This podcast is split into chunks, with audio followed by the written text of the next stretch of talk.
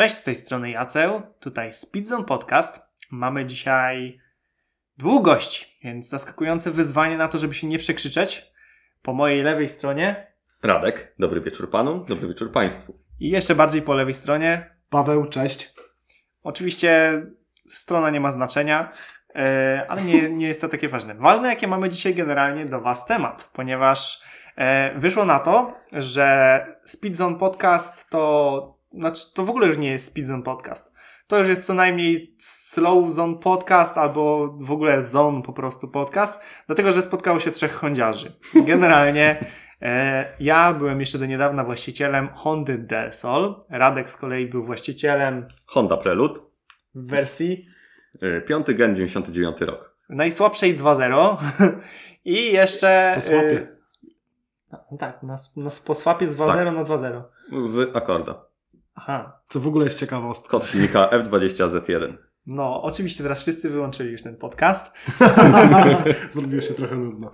I ostatnia y, Honda w tym pięknym zestawieniu to Legend 3,5 litra, V6, 208 koni. KA9, dobrze kojarzę? Tak, jest to trzeci gen. Dobrze. No, z roku? 2000.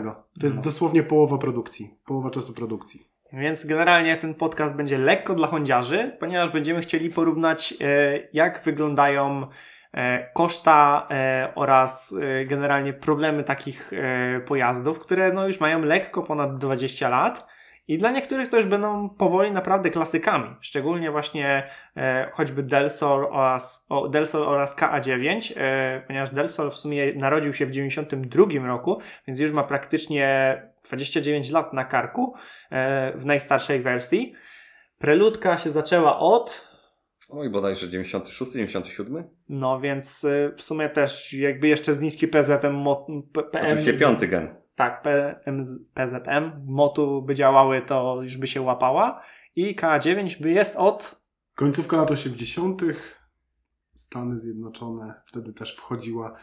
Ciężko mi powiedzieć, musiałbym to sprawdzić. ale chyba nie ta generacja, nie? Pierwsza. No Ta, pierwsza. którą, o której A mówimy, trzecia? tą, którą ja mam, to jest 95 rok. Mhm. Do 2004 była produkowana. No właśnie, więc w sumie bardzo podobny okres, aczkolwiek twoja właśnie jest najnowsza. I mimo tego, że jest w sumie najnowsza, no to jak wiem, pochłonęła najwięcej pieniążków. To prawda. No to znaczy w porównaniu do innych modeli, które widzę, które się przewijają czasami na Otomoto i na, na różnych giełdach i też na forum e, hondalegend.pl, no to jest w bardzo dobrym stanie. Mimo wszystko generuje ogromne koszta.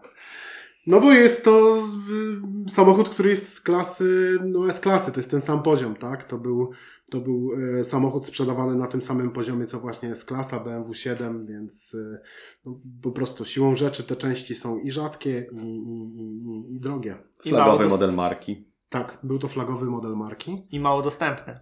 Nie ma praktycznie zamienników. Zamienniki praktycznie nie występują. Jestem skazany na ASO, na ASO Hondy praktycznie lub import e, części z Stanów Zjednoczonych, z Japonii, ewentualnie z Rosji, jeżeli ktoś chciałby ryzykować. Dodatkowo ciekawostką było to, że był oferowany tylko w jednej wersji, praktycznie jedna wersja silnikowa przez Tak całą generację. Jakiś tam mały lifting tylko, który w Dokładnie. sumie zmieniał kosmetyczne, Niewiele, niewiele. kosmetyczne rzeczy. E, I W środku to też jest tyle. tam chyba niewiele opcji. Środek nawet bardzo podobny do poprzedniego modelu, do poprzedniego genu. Po prostu Japończycy mają także sprawdzone, e, pragmatyczne patenty, no po prostu wykorzystują dalej. Co się w sumie sprawdziło, bo Honda Legends w środku jest no po prostu przepiękna. Mi się osobiście bardzo podoba. Jest bardzo wygodna, jest to piękny dupowóz. Jest świetnie wykonana też. Tak. Dla Jest, dużych osób. tak, jest no 1,90 m. Tak. Jeśli ktoś generalnie myśli o tym, że y, tylko Niemcy były dobrze wykonane te 20 lat temu, a jak się wchodzi do Japończyka, to wieje plastiką równie dobrze jak, plastikami jak 40 lat temu, to może się naprawdę zdziwić generalnie. Nic nie trzeszczy. Zwłaszcza po latach, jak No. te samochody się utrzymały. Powiedzmy sobie szczerze, co ma trzeszczeć? Skóra w e, drzwiach? Bo jest skóra nawet w drzwiach, więc nic tam nie trzeszczy. Wszystko obszyte jest faktycznie. Tak, tak, tak. tak. No, to prawda. I generalnie, no, że była twoja e, fura też najdroższa, e, mimo tego, że jest najno, najnowsza i pochłania najwięcej kosztów, no to będą się nią zajmować na pewno osoby, które najwięcej e, chcą ewentualnie wpompować kasy, ale najbardziej poczuć taki VIP style. I to niekoniecznie taki w sumie e, japoński przecinak e, tego typu e, pojazd, tylko coś zupełnie właśnie odrębnego. I przy okazji mieć ewentualnie e, dosyć i tak e, użyteczny samochód. Tak, no mam go na daily. E, nie kupiłem go dla VIP stylu, kupiłem go na długie trasy, ponieważ no pierwsze co oni poczytałem o tym modelu, no, że on połyka po prostu kilometry. To jest tak jak w jednym filmie na YouTubie e, ktoś powiedział, że wsiadasz dzisiaj rano, jedziesz do Portugalii, wysiadasz i nic się nie dzieje, wszystko jest super jesteś wypoczęty, jakbyś odpoczywał, jakbyś przespał e, najlepszą noc w swoim życiu, tak? Mhm. Więc tak, taki, jest, taki to jest feeling. No, my jeździmy z Moniką, z moją żoną e, na Mazury, w rodzinne strony, no i po prostu potrzebowaliśmy bardzo wygodnego samochodu, który też mi się bardzo podobał estetycznie i, i dlatego Honda Legend. No i bardzo się wyróżniał. Tak, tak. No jest rzadkim. No jeżeli to jest naj, najlepszy samochód, naj, najlepiej sprzedający się samochód tej klasy w Polsce na koniec lat, na roku 99, a sprzedanych było 36 modeli, mhm. jakoś coś w tym, coś w tym, tak, 36 modeli, dokładnie. No to powiem szczerze, jest rzadki. Jest w Polsce rzadki. Ciekawe też było to, że większość samochodów było służbowych generalnie. Nie były kupowane praktycznie przez osoby prywatne. No mój jest po prezesie. no właśnie, pewnie jak większość innych. Dobrze. I w sumie y, dla kontrastu i w ogóle y, takiego y, zmiany koncepcji chęci posiadania pojazdu japońskiego, Honda Prelude Radka jest autem o praktycznie połowę tańszym i jednocześnie trafiającym do znacznie innej grupy społecznej. Zgadza się. Jakbyś Inna grupa odbiorców. Mm, myślę, że to dla osób, które chciały mieć kupę, ale niekoniecznie też y, chciały mieć napęd na tył. Szukały te, tego, mm, tych radości z posiadania kupę w innych y, rzeczach, jak wygląd, y,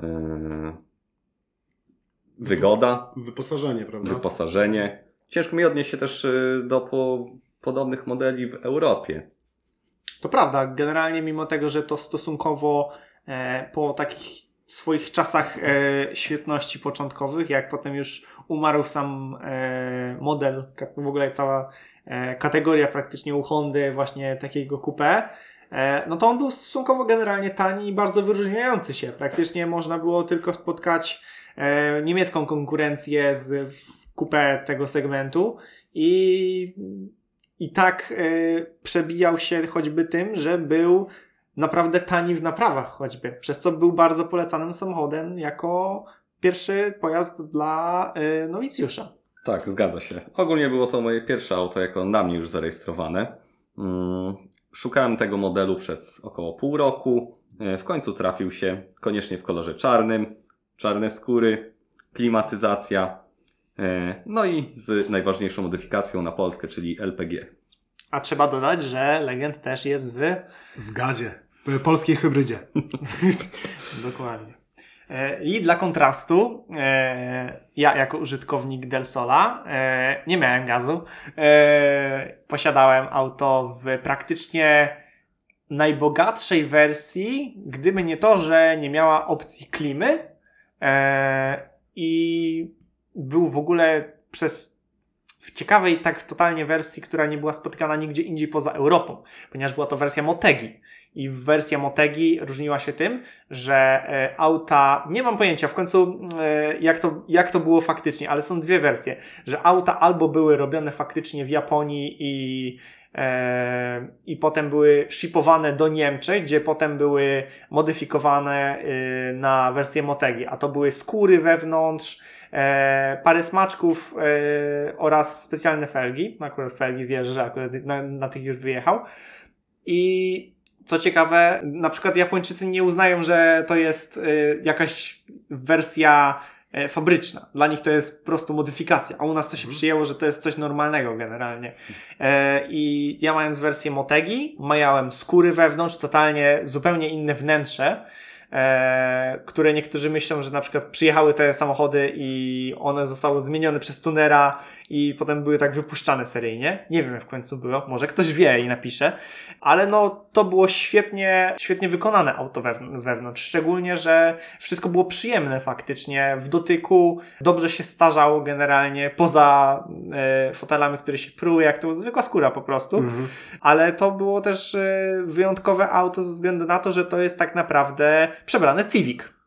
I e, wszelkie znamiona Hondy Civic 5 e, widać w tym samochodzie. Jest dosłownie wszystko. Są te same silniki, te same rozwiązania w zawieszeniu. Właściwie całe zawieszenie jest identyczne. Jest zmieniana po prostu buda. Są dwie, e, mieszczą się dwie osoby. E, auto ma też generalnie gigantyczny, e, jak na ten klasę auta, bagażnik, co niektórzy e, no, raczej by nie sądzili, jaki. Dla mnie to jest nowość. jaki tam jest. A, mm, a ma jeszcze chowany dach. I chowany dach był w dwóch wersjach. Był chowany manualnie i chowany był automatycznie. Ja posiadałem wersję chowaną manualnie i no to tak naprawdę myślałem, że to będzie mega fajny bajer, ale tak naprawdę to się bawiłem tym strasznie rzadko, bo po prostu przenoszenia, od przenoszenia, nie wiem, 8-12 kilowego e, całego dachu do tyłu samochodu, no to wcale nie było żadną przyjemnością generalnie tak naprawdę, ale podczas e, takiego pełnego lata to był generalnie mega bajer. Na przykład Dokładnie. wspominam jak wracałem sobie z E, Poznania, praktycznie przez pół Polski, jadąc bez dachu, jak było 32 stopnie, no to można było poczuć generalnie taki e, vibe e, lat e, 80. E, i taki pełen pimp, luksus po prostu generalnie tego, że można mieć otwarty, e, otwarty dach. No i wciąż jednak się można było czuć bezpiecznie. Dla niektórych to było ponoć ważne, e, ponieważ auto było stosunkowo bezpieczne przy e, dachowaniu, przy dachowaniu mhm. ponieważ miało wciąż jednak sztywny dach. Prawda. W ogóle co, to był szczyt ogólnie, te trzy Hondy to był taki szczyt w ogóle lat 90. Honda osiągnęła mhm. swój szczyt Y, całej tej swojej historii lat 90. i dlatego te nasze Hondy są w takim dobrym wyposażeniu wewnętrznym, tak? Tych, tych skórach, tych, tej ta, całej tapicerce, która nie trzeszczy, która była, no jest tak przyjemna w dotyku. Ja zawsze muszę poklepać swoją Hondę, gdzieś tam dotknąć. Tak, moja kierownica, e, chociaż to już jest 20, 20-letni mm, samochód, nie jest obgryziona, tak jak w niektórych modelach. Ta skóra nie jest zupełnie wytarta.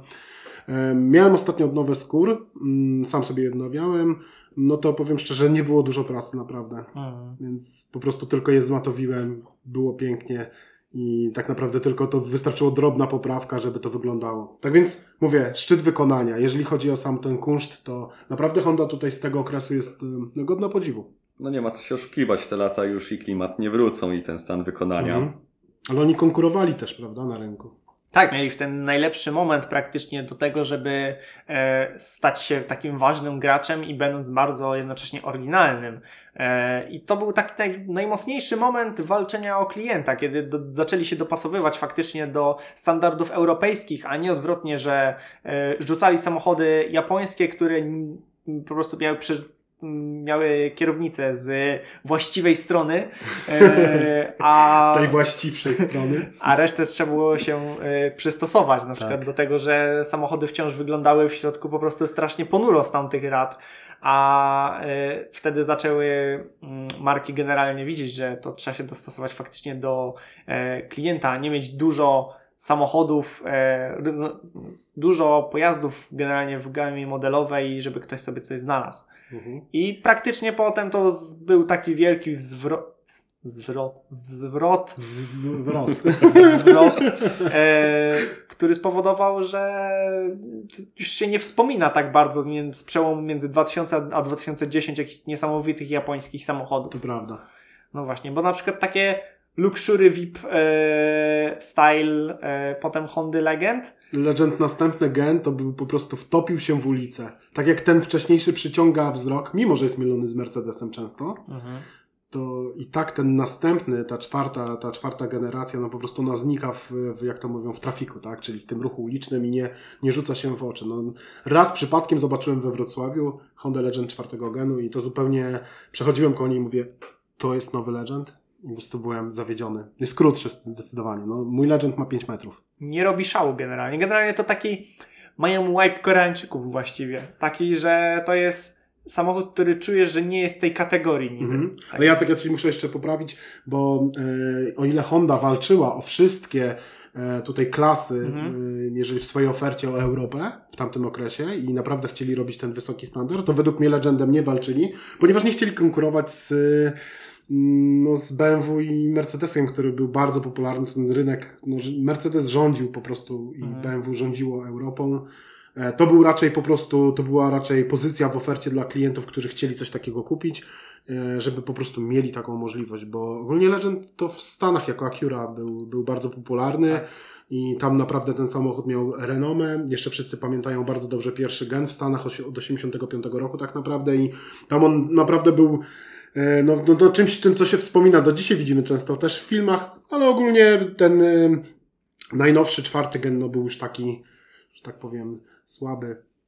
Do dzisiaj na ulicy jak zobaczę, ale w wersji jeszcze coupé lub jak to woli personal luxury sedan. Tak, tak. No ja mój Zawsze pierwszy, odwracam się. tak, mój pierwszy, który widziałem i zakochałem się wtedy w Legendzie, to było w Węgorzewie, widziałem Białego Legenda, e, właśnie w e, poprzedni gen, w, e, w tym właśnie Luxury Tudor, e, tak? Sedan. Luxury sedan. A, tak jest. Czyli w tym takim wielkim, ogromnym coupé. No i zakochałem się tak naprawdę. Ale mam czterodrzwiowego jak coś. Hmm. Sedana.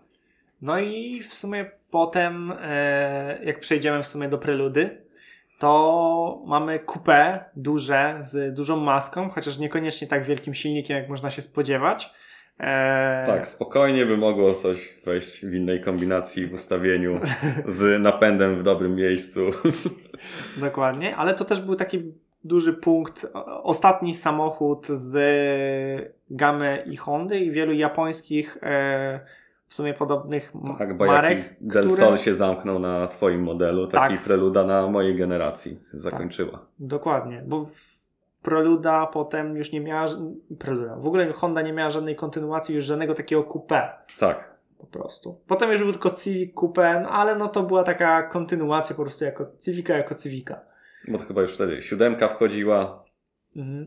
Już nie mieli tak, że Honda walczyła o każdy możliwy segment, że to nie było jak e, dzisiaj Xiaomi w telefonach, że mają odpowiedź na każde twoje zapotrzebowanie, czy masz 200 zł więcej, czy 200 zł mniej. E, tak samo wtedy Honda mogła się pochwalić e, w kupę e, Civiciem, e, nie, Civic nie były wtedy jeszcze kupę. Nie, wtedy E, już zakończyli kupę i weszli tylko jako opcja Civica siódemki chyba. Była E, jedyna kupeta. Tak, ale wtedy były jeszcze e, Preluda, Integra, No tak. Dokładnie. Nie? I to znacznie większy, większy po prostu wybór, szczególnie u nas, e, gdzie e, praktycznie wcześniej się samochodów nie widziało. Potem zostały się te samochody, e, te wszystkie Hondy i Toyoty w naszych realiach zostały ze względu na to, że one były stosunkowo tanie, bo nikt nie wiedział, co to jest w ogóle i jak to się naprawia Mhm. a potem zostały ze względu na to, że były bardzo dobrze wykonane i bardzo dobrze się starzały. No i potem tak samo właściwie z Delsolką, że Delsolka, mimo tego, że Delsolka już nie jest uznawana za prawdziwego CRX-a, ponieważ Mhm. CRX to zaczął się od e, ballady, który był e, odpowiedzią na rosnące e, e, problemy z przechodzeniem testów emisji spalin i chcieli pokazać, że można zrobić samochód tani, który będzie e, palił mało, a będzie dawał dużego frajdy z jazdy. I potem był kolejny CRX, dwójka, a potem Del Sol to już był jakimś takim dużo bardziej wymysłem. Aczkolwiek, no, mimo tego, że e, to był wymysł, to on trafił potem z kolei w inne grono też. I konkurował też z miatą. Dla ludzi, którym nie zależało na e, tylnym napędzie, Mhm. no to CRX był po prostu fajnym, szybkim. E, dla niektórych cabrio, jak to mówili, ale to był hardtop. e, W zależności od pogody. E, tak. I jeszcze dodatkowo, e, że to był hardtop, to konkurował nawet e, w sumie z 911, bo ci, którzy się zakochywali w 911 w wersji Targa i potem patrzyli do portfela, no to mogli wybrać ewentualnie Del Sola. Ale fajnie, że był wybór w ogóle, że mogłeś w każdym segmencie wybrać dla siebie auto, które było oryginalne i wyróżniło się. To, Dokładnie. To, to było piękne w tamtym czasie. Dokładnie. No a potem już nie było po prostu takich możliwości doboru sobie pojazdu e, pod własne możliwości, tylko praktycznie kilka modeli w wersji od najtańszych do najbogatszych, ale no różne, różnic już modelowych takich nie było faktycznie. No i to faktycznie. Czekajcie, czy wszystkie trzy nasze pojazdy miały napęd naprzód? Wszystkie miały napęd Tak. naprzód. Co jest w ogóle też dziwne w Legendzie, że No, chciał konkurować z BMW i z, z Mercedesem, a tak naprawdę miał naprzód napęd. I... no realnie tylko konkurował przez to z A8 B2 e, w wersji 3.7 V8, bo ona wtedy miała też przód napęd. Tak. No. Troszkę brakuje tego tyłu napędu właśnie w takie zimowe dni. A, no. Natomiast jeżeli chodzi no, tutaj o sam komfort jazdy, tutaj nie widzę e, za dużej różnicy, a lubię parkować tyłem, więc jak najbardziej przód napęd jest super. Jest też generalnie y, taki ukuty, nie wiem czy mit, ale y, tego, że legendy się dobrze e, zestarzały i jest ich stosunkowo dużo, ze względu na to właśnie, że nie mają tyle napędu na tył. A, widzisz, no właśnie, dokładnie. Tam gdzieś się nie tłuczą po rowach, prawda? Podobnie jak Preluda. Cena i tyle egzemplarzy zostało. Przeżyły. Dokładnie. No i Del Solek też, ale Del Sole strasznie chrupało i one były e, bardzo e, chętnie łamiące się przez to, że nie miały e, generalnie żadnego łącznika poprzez dach. No i to powodowało, e, że geometria po prostu siadała. nie? Generalnie. Każdy model miał jakąś swoją przypadłość po prostu. No. no dobra, to w takim razie e, ile się wykosztowaliście na e, swoje samochody? Od takich najtańszych rzeczy po najdroższe. Ja może zacznę w sumie, ponieważ e, moją chyba najbardziej e, bar, najbardziej rzeczą, którą przeżywałem, to było to, jak uwaliłem kiedyś półoś. E, ponieważ, ponieważ byłem młody i bardzo chciałem sobie generalnie zaszaleć, no to uznałem, że danie ze sprzęgła na jedynce to generalnie będzie fajna sprawa, żeby nauczyć się e, jak, jak robić e, show pod liceum. Każdy tak myślał, nie mówcie, że nie. I ostatecznie, jak już sobie zaciągnąłem ten ręczny, strzeliłem ze sprzęgła, no to uwaliłem półoś. No i to dźwięk był straszny, byłem bardzo przerażony, nie jechało auto dalej. Musiałem dopchać je jakoś e, kilometr praktycznie do kolegi, u którego zostawiłem, a potem tata mnie zacholował i tyle. Okazało się, że płoś kosztowała mnie 80 zł.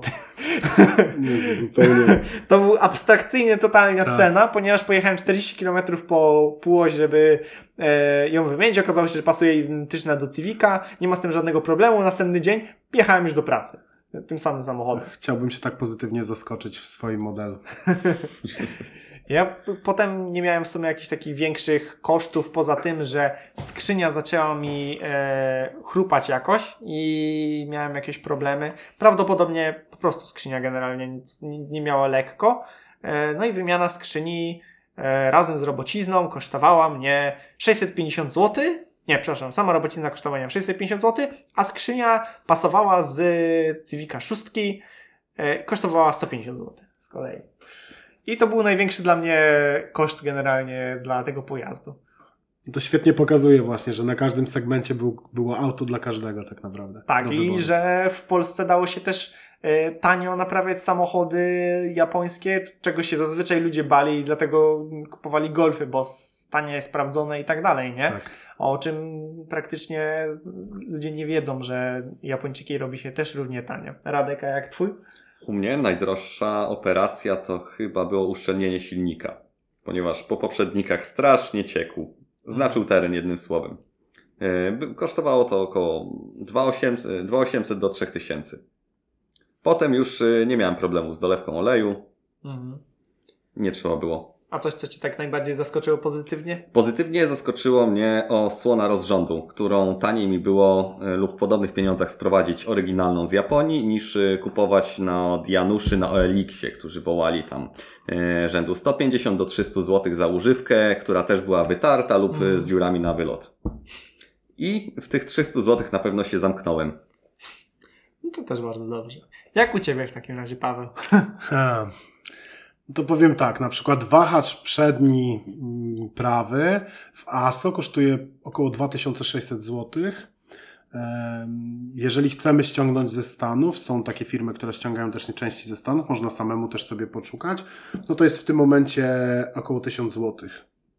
To sam taki wahacz, tak? Jakieś uszczelki, jakieś takie pierdoły kosztują po 800 1000 zł, więc każdy element, który w tym momencie chciałbyś wymienić w Hondzie Legend, no kosztuje horrendalne mm, pieniądze. No Honda myślę, że tutaj jest wyrachowana, bo wie, że tego nie ma, że, że nie ma praktycznie e, w Europie dostępu do zamienników i ten dostęp jest naprawdę utrudniony, dlatego te ceny są wywindowane, no ale to jest ten samochód tej klasy, tak? Czyli Mhm. kupujesz samochód za 20 tysięcy i jeżeli chciałbyś coś e, go naprawić, jeżeli masz go do naprawy, no to szykuj się na kolejne 10 i będzie jeździł. No ja mam na przykład problemy z, znaczy mam i miałem problemy z podwoziem. Tam wymiana każdej części, no to po prostu jest poszukiwanie. Każda wymiana części, jeżeli chciałbym cokolwiek zrobić w podwoziu, to jest, to ja muszę się miesiąc przygotowywać, szukając części, tłumacząc strony z japońskiego, jakieś e, szukając dojść w Stanach. A teraz zważmy na to, że jest pandemia, była po tamtym roku. W tamtym roku nic nie zrobiłem w samochodzie praktycznie, ze względu na to, oprócz tego, że gaz zrobiłem, wyregulowałem i jakieś tam dodatkowe rzeczy zrobiłem, to praktycznie z samego hondowskiego, e, z hondowskich części nic nie wymieniłem ze względu na to, że w ogóle nie było dostępu do niektórych części, przez to, że wszystko było pozamykane, nie było żadnego, no więc I zaskoczyłeś się miło, samoregulujące się zawory. tak, na szczęście. Jako w ogóle wyjątkowe. Zadzwonili do mnie z, od gazownika i powiedzieli, proszę pana, tam są samoregulujące się zawory. Pierwszy raz w Hondzie coś takiego widzę. To- było dla mnie też zask- zaskoczeniem, bo myślałem, że będą musieli, proszę mi tam wyregulo- wyregulować zawory, tak? Więc są plusy ujemne i plusy dodatnie, dlatego że yy, najtańsza rzecz, która cię zaskoczyła, w sumie kosztowała 0 zł. Więc w sumie Dokładnie. jeden do jednego może być. dla każdego z nas, nie? No ogólnie mm, każdy, kto bierze taki samochód y, pod swoje skrzydła, no musi się tutaj liczyć z takimi kosztami, bo to jest samochód, który jest niepopularny w Europie. To nie jest tak, jak masz na przykład starego Mercedesa, czy też stare BMW i oni mają tam swoją produkcję części do klasyków i możesz kupić nową fabryczną część i, i będzie super. Zapłacisz za nią, tak? Ale masz do niej dostęp. Tutaj jest tak, że zapłacisz za, nią- za nią, a jaki będzie dostęp, tak? Czyli ten dostęp, no, no nie ma, nie ma, nie ma tych części. To jest ten problem przede wszystkim. Więc to nie jest tak, że ty zrobisz sobie samochód, to jeszcze jest, jest strach o to, czy y, jeżeli coś się zepsuje, zadzieje w samochodzie, to czy będziesz w ogóle miał możliwość e, naprawy, czy na przykład twój samochód będzie dwa miesiące uziemiony i nie będziesz miał tej radości z jazdy, bo przecież po to kupiłem ten samochód. No ale nie jestem ogólnie rozczarowany, bo naprawdę Honda Legend jest pancerną jednostką, jeżeli chodzi o silnik. Miałem tylko drobne problemy z cewkami. Jest tak pancerną jednostką, że w ASOW Hondy w Olsztynie, w Daszucie, e, jeżeli miałem taki problem, że wypadła mi cewka, to powiedzieli mi, że spokojnie do Wrocławia dojadę na pięciu cylindrach, bez żadnego problemu. Więc Tak powiedział ASO. no, też wiedzą, jakie są to realia, tak? No, rozumiem. No jest to, to jest mój w ogóle pierwszy Youngtimer.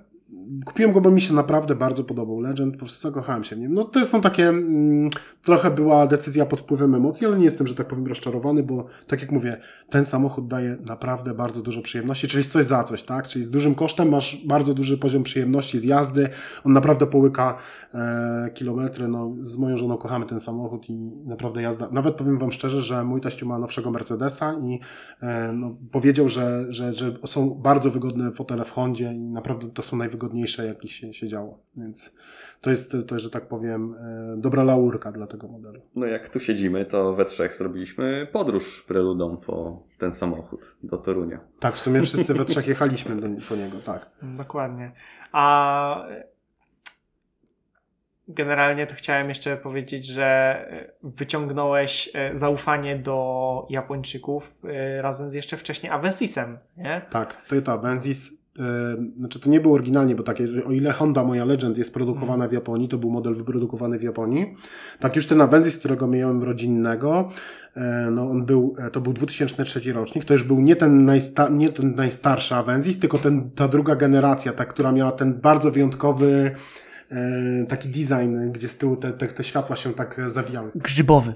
Tak, piękny, przepiękny, do dzisiaj mi się podoba. W ogóle ten samochód jest, ja mam do niego sentyment ze względu, że I bardzo w sedanie. W liftbacku, proszę pana. Okej. Cała, cała szyba się do tyłu podnosiła. Był bardzo pakowny, tak? No mam bardzo, no to był w Wielkiej Brytanii yy, podzespoły wyprodukowany. Ale nie wiedziałem. Tak jest. O. Później były w e, Hiszpanii i Turcji bodajże. Nie wiem, nie dokładnie wiem, e, czy Hiszpania, ale na pewno Turcja. Więc ogólnie mówili, że ten następny model tam od 2005 roku troszeczkę jakoś spadła, ale ten pierwszy model, który wyszedł 2003 do 2005 był naprawdę rewelacyjny. I mam, do dzisiaj mamy ten samochód, nic się w nim nie dzieje, nic dosłownie się w nim nie dzieje, nic. Pancerniki, Jest jak i tak. poprzedni, poprzedni model też. Jakie to jest nieekonomiczne ze względu, z perspektywy producenta. Rozumiem, wszyscy wyciągnęli z tego dobre wnioski. To prawda. A teraz mam dwa hondziarskie pytania. Rdza. Zacznijmy od Radka. Mm, nie zawiodłem się, jest, jest rdza, ale, ale miło się zaskoczyłem, ponieważ nie jest jej tak dużo jak w Civicach na przykład. Czyli e, trzeba uważać tylne nadkola i tylne podszybie. To są newralgiczne punkty. Paweł? Nic się nie dzieje, oprócz tylniego lewego nadkola. mm, Oprócz tego nigdzie nic. Nigdzie nie była wcześniej robiona Nie, nawet? Nie. No, mój Delsol z kolei był robiony na obu e, nadkolach. Miał całe wycinane i wspawane e, podobnie przez e, poprzedniego właściciela. E, zrobione tak dosyć średnio, e, ale w sumie potem nie łapało go faktycznie nic więcej. Ale wiem, że Delsol ma duże problemy faktycznie z rdzą, taką, że tak jak mówiłem wcześniej, no łamią się po prostu, że potem to jest nieekonomiczne. Można spotkać nawet bardzo tanio e, całe topowe wersje, tam z B16 jeszcze 160-konnym, e, które są niezadbane i nikt tego nie chce, bo ewentualnie bierze na swap silnika, bo po prostu e, zapinając jedynkę i zaczynając e, jechać, to widzisz po prostu, że to się robi łódka, nie? Generalnie z tego. No. Dobra, drugie kądziarskie pytanie mam. Olej. Zacznę od siebie. 150 ml na e, 100 km i to tak w sumie tak non-stop, że mogłem pałować, to było w sumie podobnie, a ewentualnie jak miałem takie trasy faktycznie długie, y, że jeździłem w tej, we w tej, nie wiem, nie przekraczałem na 4000 e, praktycznie nigdy, no to do- dolewałem 80 ml i może to tyle. I to niby była taka totalna norma, taki normalny standard yy, i tyle. I to nie było jakieś dymiące niesamowicie, ani, yy, ani nic więcej. Radek? Przed uszczelnieniem silnika nie, rozstawia, nie rozstawałem się z baniakiem 5-litrowym oleju w bagażniku. Po uszczelnieniu y, na trasie Wrocław-Łomża nie zauważyłem większych, większych ubytków. Za każda trasa z Radkiem, którą zaczynaliśmy, zaczynała się do dolewki, więc... No u mnie z kolei, odkąd mam ten e, samochód, e, nie robiłem żadnej dolewki nigdy. Troszeczkę coś tam czasami widzę na parkingu mi skapnie, jak to w każdej Hondzie. E, trochę e, się poci, to także ostatnio stwierdzone, ale nigdy nie robiłem żadnej dolewki. Nawet nie wiem ile by pił. Ale wymieniam regularnie, tak więc wszystko jest, że tak powiem, książkowo robione. Wszystkim naszym chądzinkom w takim razie życzyłbym e, zdrowia i długiego życia. Gdyby nie to, że praktycznie tylko e, Paweł został po prostu przy Hondzie i z nią się kręci. No Paweł, ja jestem na etapie takiego, mm, takim filozoficznym etapie, czy dalej e, trzymać legenda i gdzieś go wsadzić pod koc i żeby przeczekał na lepsze czasy, czy po prostu pomyśleć nad czymś innym, żeby pojeździć ten, też, też czymś innym w swoim życiu. Jasne. A już masz go ile? Trz- Dwa lata, ponad dwa lata będzie. Myślałem, że już prawie trzy. No dobrze. Ja swoją próbę pożegnałem przed Sylwestrem. E, ogólnie Buda i rdza to już nie mój problem, tylko nowego właści- nowej właścicielki w zasadzie. Ale poza tym wszystko było ok, już doprowadzone na tip-top. A moim się rozbiłem i generalnie z tego co wiem, e, jeden znajomy ma z niego fotel, a inny ma e, chyba jakiś. Chyba klapkę w lewu paliwa. Auto żyje. Tak, on Tak. będzie w naszych sercach na całym. z Transformersem.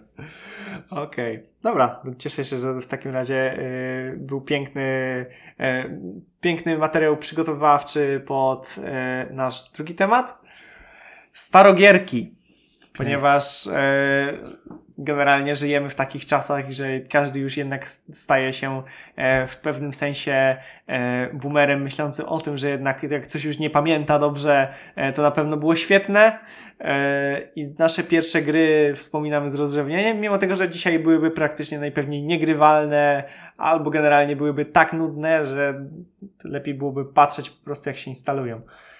Jak, jakie wspominacie swoje pierwsze gry yy, ogólnie i pierwszą grę wyścigową?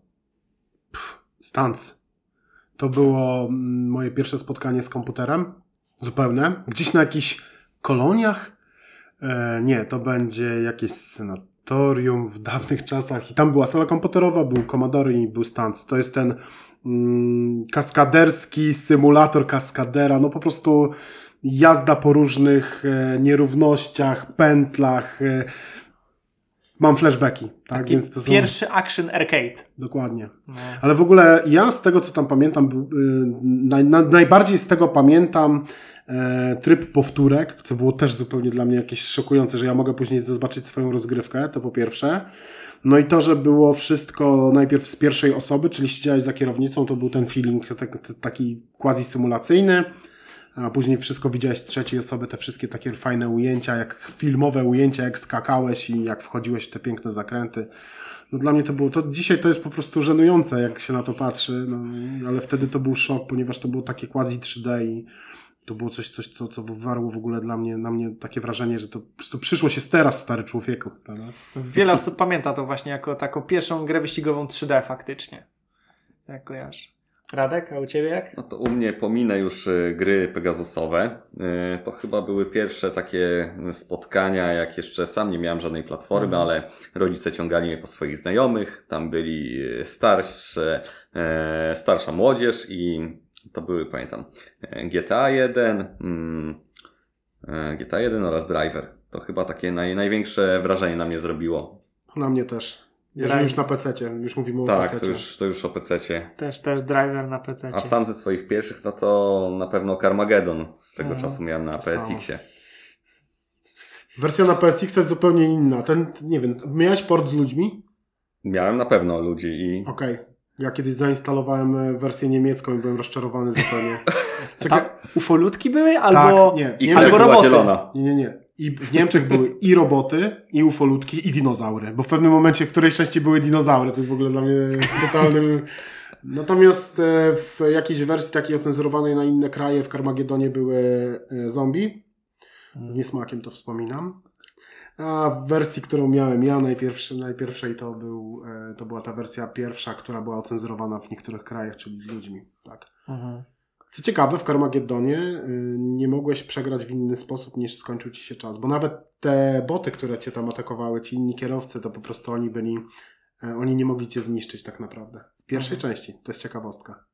Prawda, prawda. E, ja z kolei wspominam swoją pierwszą w ogóle grę, e, jak miałem jeszcze komputer na DOSie. To było Indianapolis 500. I nie mam pojęcia skąd ją miałem, w ogóle to taki totalny flashback, ale wyryła mi się tak totalnie, że ja do dzisiaj pamiętam jak brzmiały wszystkie samochody generalnie. Generalnie gra była strasznie trudna, bo ona była taka faktycznie quasi symulacyjna, mhm. także ja nawet nie pamiętam czy ja jakoś, nie wiem, tam karierę ukończyłem czy cokolwiek. E, wiem, że zazwyczaj to kończyłem kilka kółek e, jakimś totalnym rozbiciem się. Gra nie wiem, czy była nie z 84 nawet już. Pewnie pierwsza osoba, tak? E, tak, z pierwszej osoby zawsze. E, I pamiętam, że wszystkie samochody brzmiały tak. Kwestia pamięci. Tak, tak, dokładnie. I to była pierwsza moja gra na DOSie. E, a po tym, jak już miałem PC-ta, E, to pierwszą grę, jaką pamiętam, że miałem zainstalowaną od razu razem, kom e, razem na komputerze, bo to w ogóle było tak, że sprzedawano jakieś tam bundle, że od razu masz Windowsa i od razu masz jeszcze grę. E, przy okazji tego, jak kupiłeś komputer. Oczywiście komputer kupował się od razu z monitorem, głośnikami. Tak, tak, cały tak, zestaw. Tak, zestaw multimedialny to się nazywało. To prawda. No, dokładnie. I ja pamiętam, że e, pierwsza gra to był e, Ignition. Ignition był niesamowitą generalnie grą. Był taką fajnym arcade racerem. Ostatnio Arn.eu w ogóle zrobił materiał o tej grze. Jeżeli chcecie zobaczyć, co było takiego fajnego, to zobaczcie sobie na Arn.eu. Poczekaj, który to był rocznik? Podejrzewam, że to był 99. No. I to był, dla mnie to było wtedy Dosyć 2002 rok. Ja dosyć późno, późno miałem komputer, więc y, u mnie jak przyszedłem do domu, zobaczyłem komputer i były zainstalowane dwie gry. Były to Sims Zwierzęta oraz y, Need for Speed Underground 2 to już był. Aha. Najlepsza część. Dla mnie to był 2002, miałem 6 lat i i Ignition właśnie. Ignition tak nawalałem okrutnie. Ja pamiętam, że do niego wróciłem nawet, nawet po paru latach, bo po prostu świetnie mi się po prostu to grało. Nie mam, nie mam słów na to, jak dobrze się to zestarzała gra pod względem gameplayu. Ja pierwszego PC miałem w 98 roku i to było tak, że ogólnie kupowało się, w ogóle mój komputer był, to był Pentium 233 e, MMX. To był piękny komputer i ogólnie przyjechał do mnie z giełdy z Warszawy, z stadionu dziesięciolecia. Tam była giełda komputerowa E, znajomy informatyk e, od razu mi tam wszystko postawił. Oczywiście to wszystko było pirackie, to były takie czasy. No i oczywiście zestaw gier, który tam został zainstalowany. To gdzieś tam się jakaś demówka też wkradła, to była Daytona USA Deluxe. A, no tak pierwsza gra, która tak stawiała na płynność w ogóle rozgrywki. Bardzo, bardzo. Byłem też pod wrażeniem w ogóle, to było tak jakby to było demo techniczne, które pokazywało mi możliwości tego komputera. Ja byłem w ogóle w totalnym szoku. Tak, tak. Ja pamiętam, że bardzo długo w ogóle nie zwracałem uwagi na grafikę, także miałem totalnie, miałem podział na gry, które mi chodzą lub gry, które nie chodzą prawie yy, i gry, które nie udało mi się odpalić.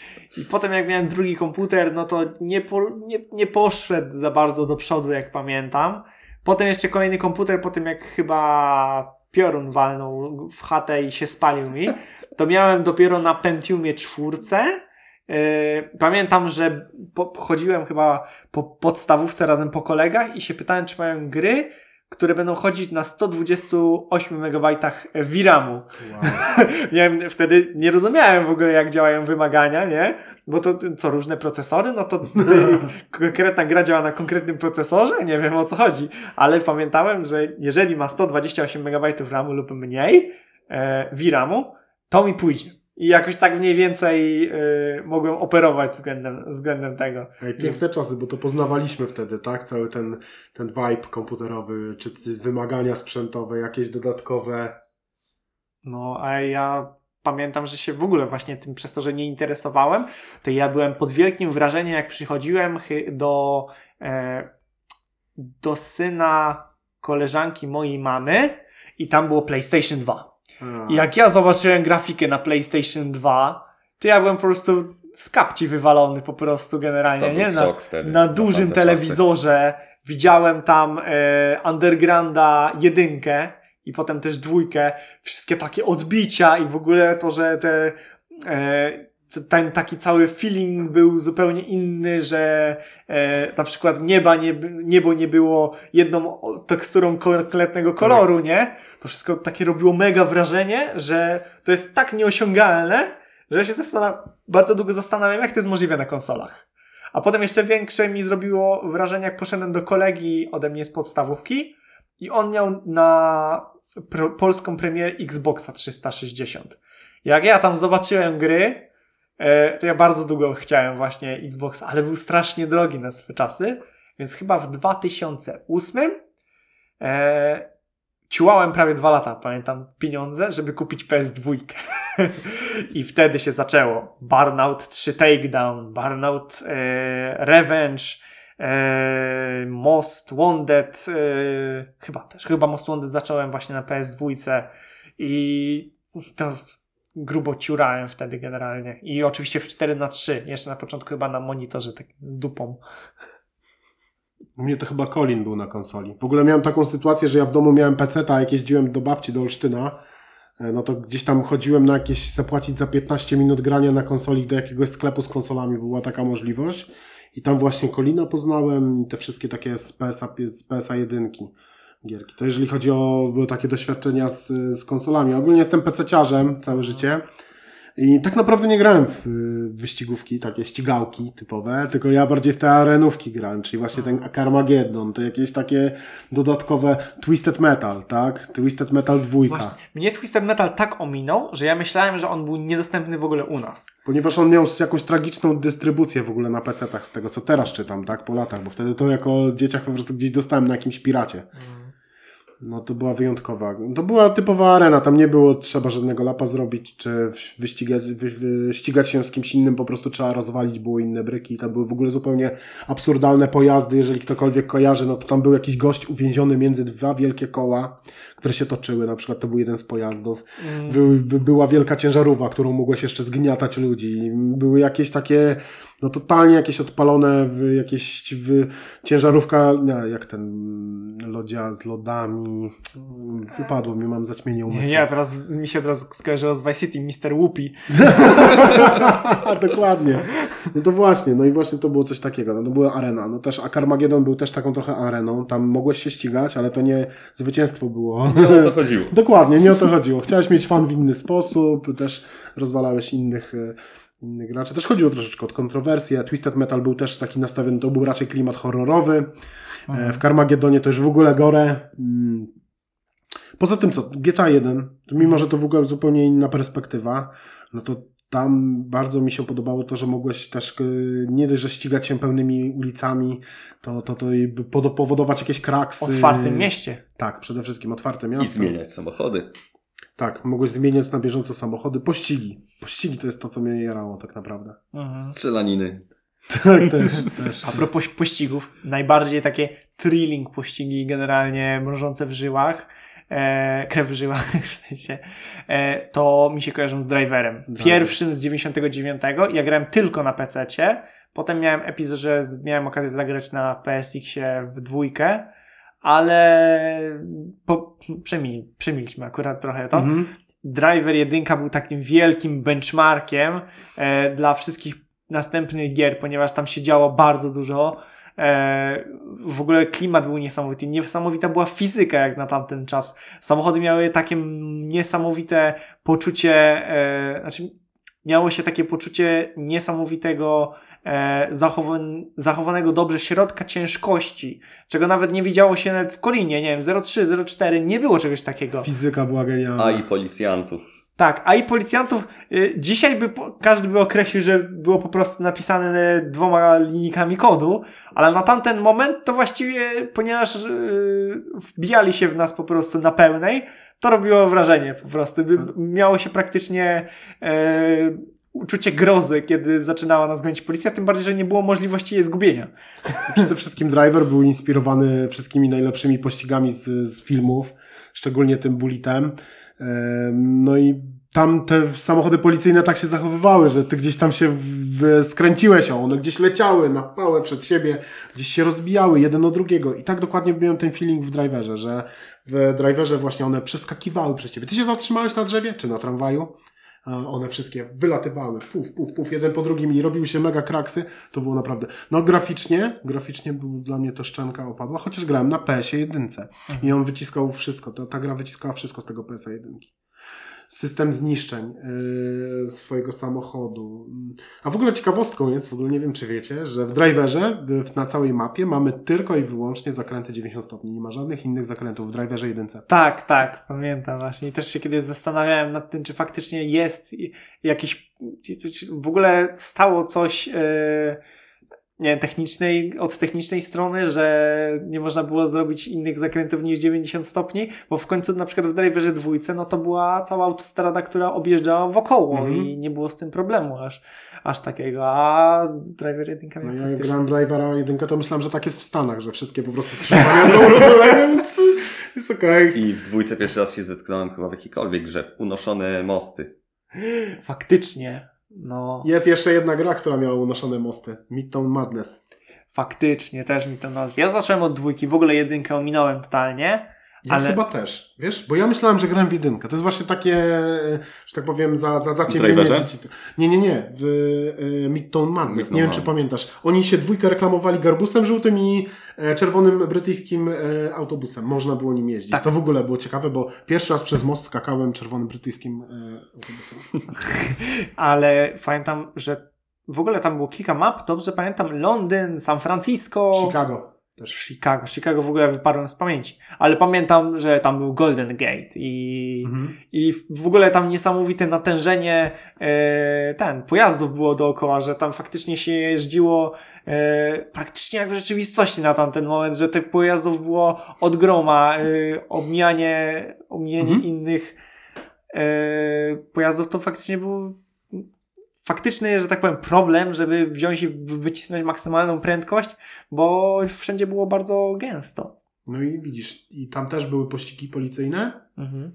W ogóle te gry miały wszystkie jedną wspólną rzecz, że twoi przeciwnicy AI było tak zaprogramowane, że one leciały na ciebie na pałę. I nieważne, czy to był Carmageddon, czy to był Twisted Metal, czy to był Midtown Madness, czy Driver, oni mieli po prostu jeden algorytm, mieli cię dogonić i cię po prostu zniszczyć. Prawda. Ja w ogóle piękne. nawet nie pamiętam, czy była jakaś, nie wiem, oś fabularna wokół Midtown Madness 2. Ja pamiętam, że Nie. jeździłem tylko w freeride. Ja też.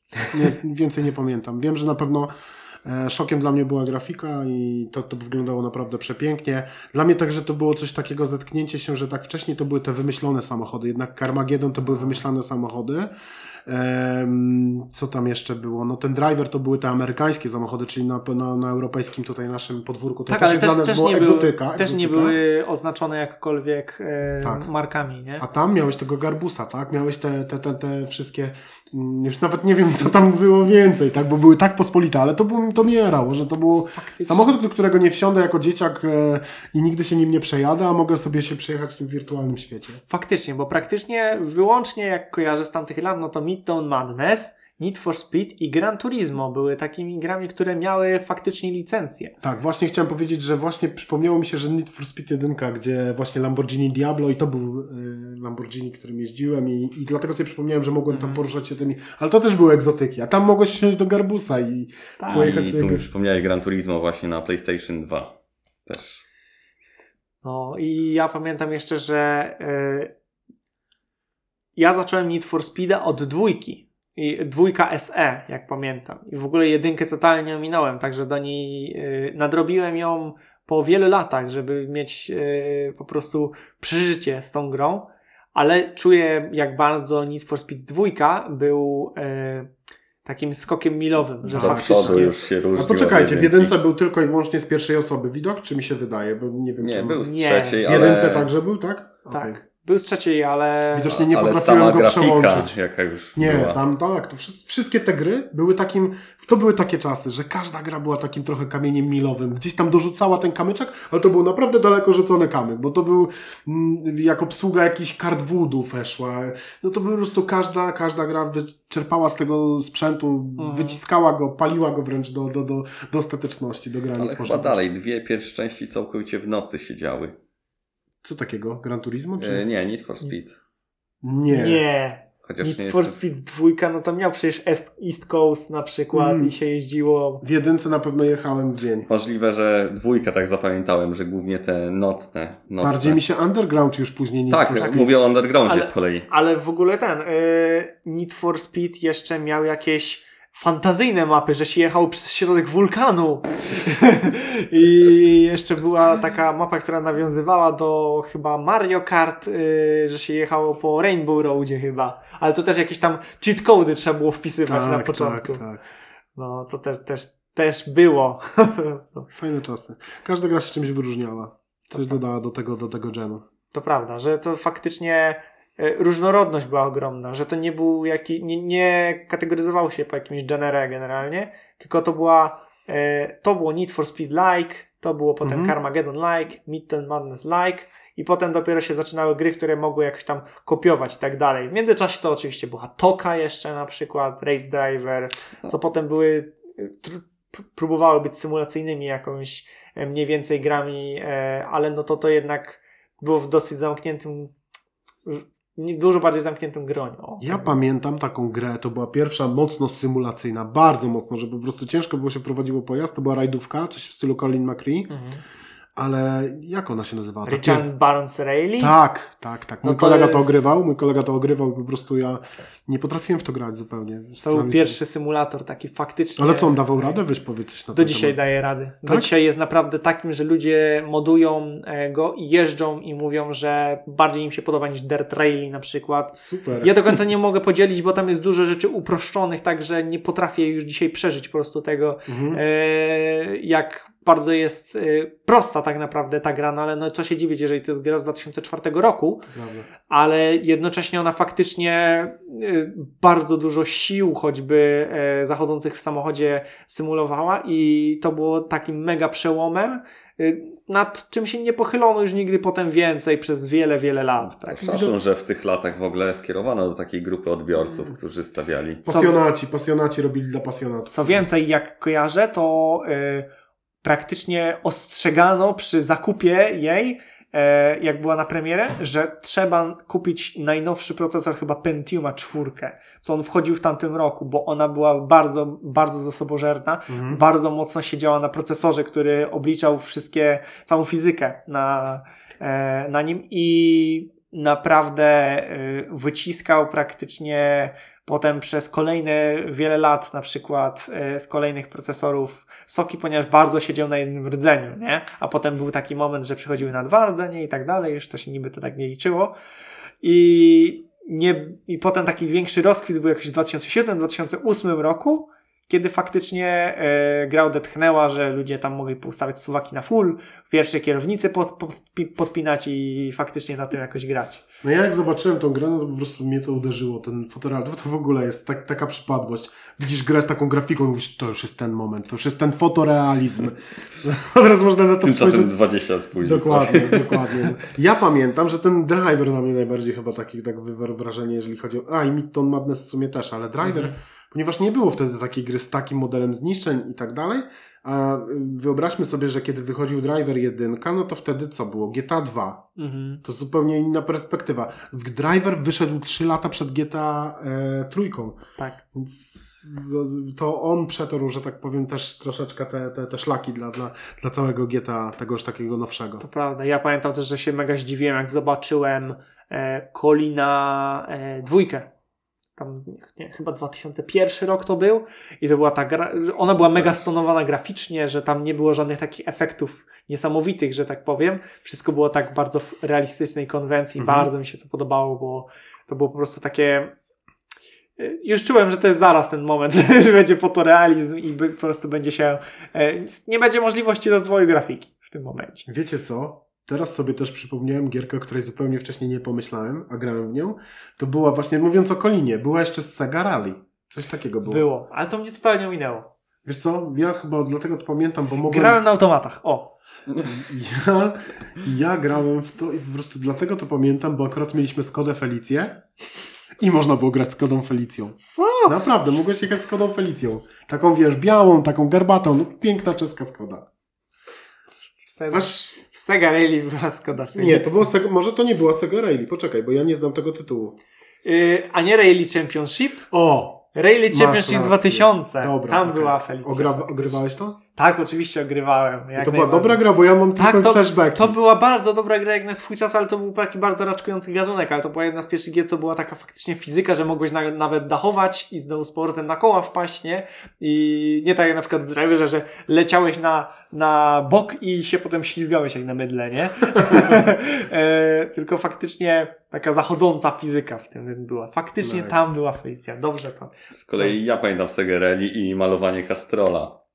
To A, swego czasu na Japończykach. Tak, tak. Korole, celiki. Korole, seliki. No, no, no. Kiedyś więcej grałem w ścigałki i ogólnie w samochodowe. Teraz jakoś, nie wiem, te gry się tak zrobiły, bardzo ukierunkowały, jakoś próbują się specjalizować. Albo masz super fotorealizm, ale super realizm, tak jak te Force i tak dalej, jeżeli chodzi o grafikę. Stawiają bardziej na grafikę, są też rajdówki i tak dalej. Jakoś nie wiem, żadna z tych takich nie do mnie nie przemawia. A kiedyś te Mhm. gry, gry pr- próbowały trafić do każdego w jakiś sposób, robiąc jakieś takie smaczki No nie wiem, może troszeczkę tego było mniej. To też nie. Czas też gracze są rozpieszczeni i samochodówkę kupują i oczekują tam wszystkiego, że ma być Aha. wszystko. Otwarty świat. tak, otwarty świat, tuningowanie. Ale e, to jest efekt Need for Speeda ogólnie, bo tak co roku, przez ostatnie praktycznie 10 lat, fani narzekają, że to już nie jest prawdziwy Need for Speed i w końcu nie wiadomo, co jest prawdziwym Need for Speedem. Bo jedni mówią Need for Speed Porsche, najlepszy Need for Speed, no, nie? Znam jednego fanatyka. Tak, inni mówią, że Need for Speed Underground 2 no to był pik, to jest najlepszy Need for Speed i tyle. Kolejni mówią Most Wanted to było to, co było najpopularniejsze i najlepsze i to jest Need for Speed prawdziwy. A potem jak już potem dostają te gry, to tak, yy, dostają coś, co ma być Need for Speedem Most Wanted, nie, to nie jest lepsze niż Most Wanted. Yy, nie, nie uznają, że to jest Most Wanted jakiś tam, nie wiem, dwa albo trzy właściwie w tym przypadku, tylko to już jest takie, że nie, nie będzie, to nie jest dobre po prostu, to nie będzie nic lepszego i tyle. tak, A tak naprawdę nie patrzą ci ludzie po tym, że te gry tak naprawdę nie były takie idealne, nie były takie fajne, ale patrzą wspomnieniem, że wtedy to była najlepsza ich ulubiona gra, przeszli trzy razy pod rząd praktycznie puntem. Yy, i jak dzisiaj wracają, nie wiem, no, na przykład Need for Speeda Hita najnowszego, to mają problem z tym, że no nie, no te samochody jakoś się nie prowadzą, nie, nie są identyczne, nie ma BMW M3, Ej, Kontekst jest ważny, prawda? Ten To kontekst. Typu gracz robi mech po prostu. Tak e, samo przypomniałem sobie parę lat wcześniej e, Driver, jeden z tych nowszych. Też było skakanie pomiędzy autami. To, mi, to, to pamiętam, że to był Driver. Tak, Driver San Francisco. A wcześniej się bardzo stoczył, bo był Driver 3R, to Driver 3 po prostu, co był jakimś tam biednym portem praktycznie. Yy, jeszcze był Parallel, Parallel Lines chyba, co tam się działo w dwóch liniach czasowych, a potem był San Francisco, co w ogóle jest San Francisco chyba... jedyną z niewielu albo jedyną grą z drugiej osoby. To jest niesamowita rzecz. Ciekawe. Tak, ponieważ op- operujesz z czymś, co nie istnieje praktycznie, ponieważ grasz w wyobrażeniu. to jest naprawdę niesamowita rzecz. I najgorsze, bo dzisiaj nie da się tej gry kupić, bo wyszła licencja i tak dalej, są problemy z tym, a strasznie szkoda, bo to Tam jest pamiętam jakaś fabuła nawet była. niesamowita fabuła. Naprawdę niesamowita fabuła. Słuchajcie, jest taka seria na YouTubie, mogę wam polecić. e, To jest e, GV Mers, e, The Rise and Fall of Driver, całe Tak. serii. Bardzo fajny content, jeżeli chcecie sobie pooglądać. na ten Odlinkujemy koniecznie. No. Wow. Tak Tyle wspomniałem. gierek, tyle wspomnień, tyle dobrych vibesów w ogóle, naprawdę. Chociaż my jesteśmy troszeczkę różnimy się. Ja mam 35 lat i po prostu jeszcze pamiętam te naprawdę starogierki.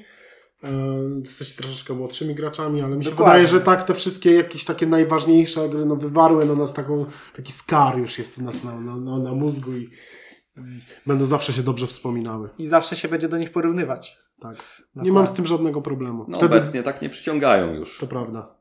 Już się nie siądzie na te ileś godzin i non-stop będziesz tłukł. No, no ale też community jest żywe. Wyobraźcie sobie, że każda następna część, część Carmageddona była słabsza, raczej słabsza. Yy, A ten najnowsza, najnowszy remaster, nieoficjalny, który wyszedł zupełnie na komórki, no po prostu najbardziej oddał klimat jedynki. Mhm. Więc wziął najlepsze rzeczy z jedynki, razem z tym, e, z tą głową, która reagowała na każde, z, na każdą nierówność, każde jakieś stłuczenie i tak dalej, każdy wypadek. A na przykład mapy z dwójki, samochody z dwójki, naprawdę ktoś, kto to zrobił, oddaje hołd wszystkim moderom, wszystkim, którzy robią e, dobry content na starych gierkach, że to dalej żyje. I ja chcę oglądać takie community i chcę żyć troszeczkę tym, bo to jest naprawdę coś fajnego. To prawda, to prawda. Wracanie do takich gier i generalnie mieszanie we wspomnieniach ludzi, e, jak pamiętają dane gry, to jest niesamowite, ponieważ okazuje się na przykład, niektórzy grali w tę samą grę, a ona wyglądała inaczej. Tak jest na przykład jest z Need for Speedem Hot Pursuitem z 2002, Mhm. że ci, którzy pamiętają go na PS2, pamiętają go zupełnie inaczej niż na PC, bo przygotowały je inne studia. Albo co jeszcze lepsze, jak oglądałem ostatnio e, taką serię o driverze właśnie, to e, jeden z użytkowników Reddita napisał, że w ogóle inaczej wspomina drivera dwójkę. Że Mhm. na przykład były misje w innej kolejności na przykład, albo że e, inaczej się kończyły, albo że były jakieś strasznie trudne generalnie, a inni pisali, że zupełnie że dużo łatwiejsze. Okazało się, że ta, e, że ta osoba miała i ma do dzisiaj wersję e, pre-release i grała na Wow. PlayStation e, właśnie jedynce w pre-release'ową wersję Drivera dwójki, która była nieukończona. I ona była normalnie, wyszła potem na, e, wyszła na parę tygodni przed, bo ona była dla prasy, ale jakimś cudem się uwolniła na tyle, że potem e, ludzie kopiowali ją i... Kupił gdzieś na bazarze, gdzieś tam z jakiegoś kartonu i... Z Dokładnie. jednej wersji się zrobiło 10 i tak wykładniczo poszło do góry. A jeżeli chodzi o poziom trudności w driverze, no to przecież była tam ta misja gdzieś w tym garażu, gdzie trzeba były te wszystkie... Pierwsza. Tak, więc to już y, ludzie po prostu wspominają, to, to był pierwszy kontakt i... Tak, to był jeden z naj... W ogóle, Thrilling. w ogóle w sumie jeden z najgorszych przykładów tego, jak dajesz y, nową fizykę gry, w, nową fizykę gry, nową grę, y, pojazd i bardzo trudną mapę w pierwszej misji. I niejasne jeszcze instrukcje, bo to była taka kartka przyklejona i było zrób tam 360 i tak dalej. Nie Tak. do końca wiedziałeś, w jaki sposób masz to zrobić, gdzie jest jakaś trasa. Wcześniej byliśmy przyzwyczajeni zupełnie jako gracze do czegoś zupełnie innego. I jeszcze przyciskiem y, między backspace'em a enterem to było przycisk palenia gumy, który był oddzielnym przyciskiem od y, wciskania, y, od jechania do przodu. Ech, Piękne rozwiązania. To było dopiero. Pasek życia samochodu. To też to taki znak tamtych czasów troszeczkę. Każdy musiał mieć ten pasek życia. To jest jednak... Napiszcie w takim razie, jakie wy wspominacie gry generalnie najbardziej. Ja wam generalnie bardzo dziękuję za dzisiejszy podcast. Dzięki Paweł, dzięki Radek. Dzięki. Super było naprawdę. Mam nadzieję, że jeszcze kiedyś wrócimy do jakiegoś ciekawego tematu. Starogierki super zawsze. O, oczywiście. Jak najbardziej. Dobrze. W takim razie. Wam dzięki za słuchanie. Wam za podcast. No i do usłyszenia następnym razem. Cześć. Cześć, trzymajcie się.